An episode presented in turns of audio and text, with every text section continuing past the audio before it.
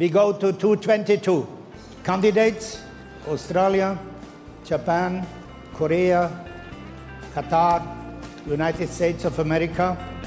The winner to organize the 222 FIFA World Cup is Qatar.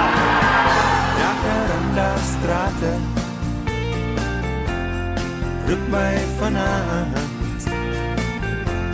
Ek luister na die liedjie op die wind En ek volg my hart waar hy gaan. Ja, ek volg my hart waar hy gaan. Jare gelede vaar ek na die vreemde Met drome wat zweef op die wind. My hart se begeerte om lewensgeheime in onbekende stede te vind. My voetspore kruis kontinente en eilande, nêrens kon grense my bind. Deur kronkelende strate, oor silwer promenades soek ek na die reënboog se punt.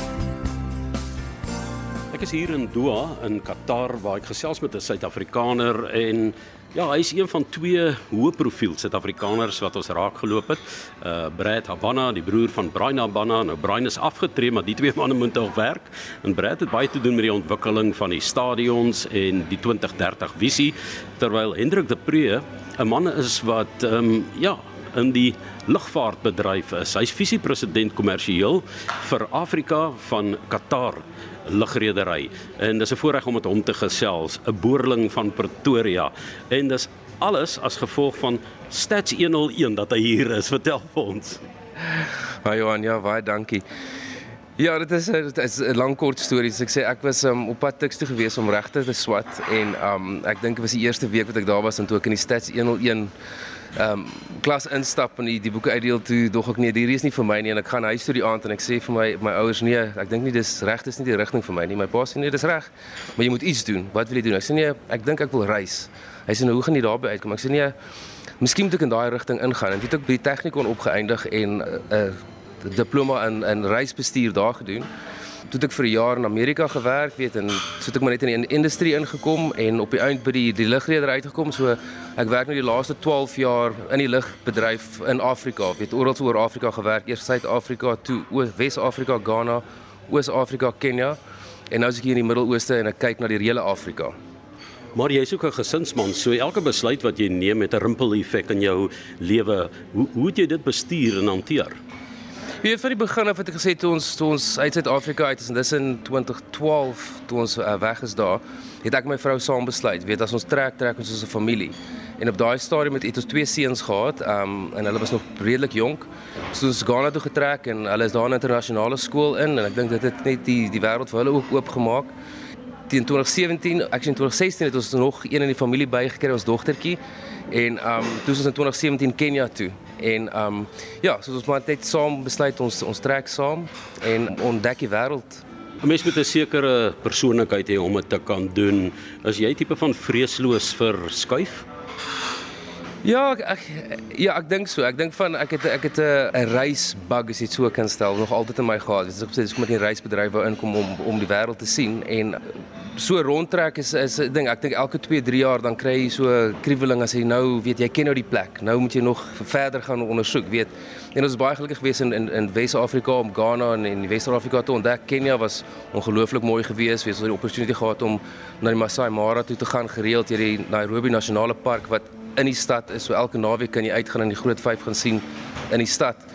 En nou hier in die Midde-Ooste is dit weer heeltemal 'n ander um ondervinding. Weet hierso vir ons hier die een groot ding is met Doha, die ligging van dit is is omtrent enige plek in die wêreld is nie verder as 8 ure weg nie.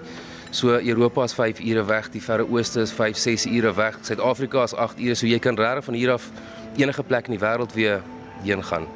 Pas jy maklik aan by ander kulture? Ja, nee, definitief. Ek dink dis iets wat mens um definitief moet hê in jou weet om om om te kan aanpas. Weet as jy nie gaan aanpas by die, plek wat jy in die ondervinding, die leefstyl gaan kry nie, gaan dit maar moeilik gaan. En ehm um, ek dink dis een van die groot dinge om om die kultuur te ervaar in jou ehm um, ja. En dan belangrik is dat jou vrou moet inkoop in hierdie hele droom van jou, hierdie reis gogga, soos jy gesê het wat jou gebyt het. Ehm um, hoe het sy dit hanteer? Wat is haar belangstellingsveld?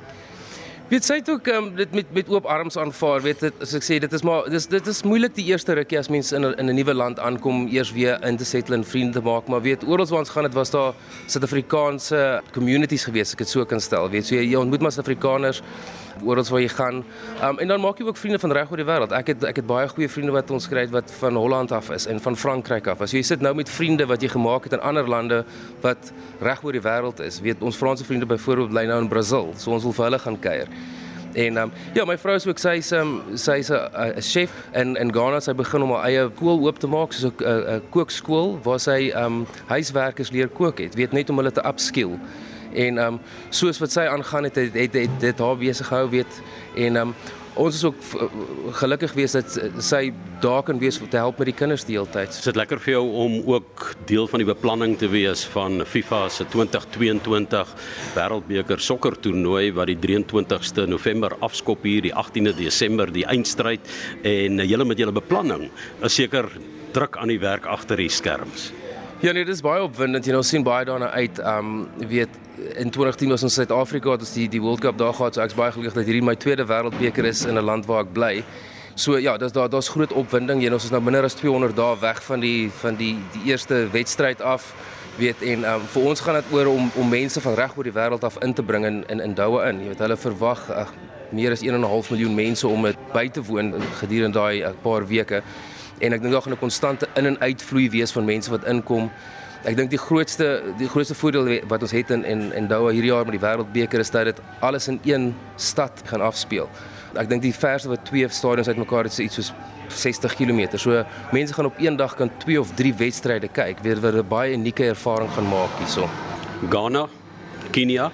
Nou as jy in die Midde-Ooste, jy is hier in 'n uh, seker van die anderste Eh, kulture wat 'n mens jou kan indink in terme van die gewone sleurgang van die dag wat jy in Pretoria beleef het as 'n skoolier. So die persepsies wat die weste het van die ooste.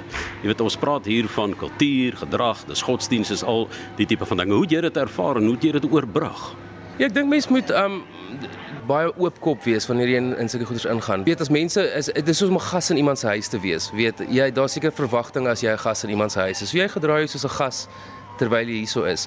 Weet en en, en verstaan hoe die kultuur werk. Weet en um weet jy moet net uh, hoe kan ek sê jy, jy moet conscious wees van hoe dit hoe dit werk in daai land. Dit was nie raar vir ons 'n 'n baie moeilike oorbrugging gewees nie.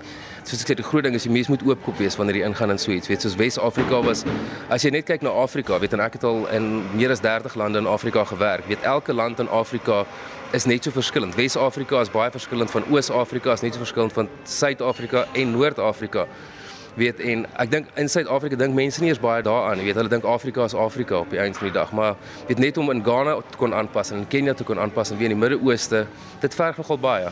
Dis Hendrik de Pre, hy is visiepresident kommersieel vir Afrika van Qatar Lugredery en ek gesels met hom hier in Doha in Qatar waar hy hard agter die skerms werk om al die vlugte um, vir die mense bekend te stel van die 2022 FIFA Wêreldbeker eindtoernooi wat plaasvind van die 23ste November tot die 18de Desember in Doha in ag stadions met 32 lande wat kom deelneem en ek dink baie lande se toeskouers wat kom ondersteun.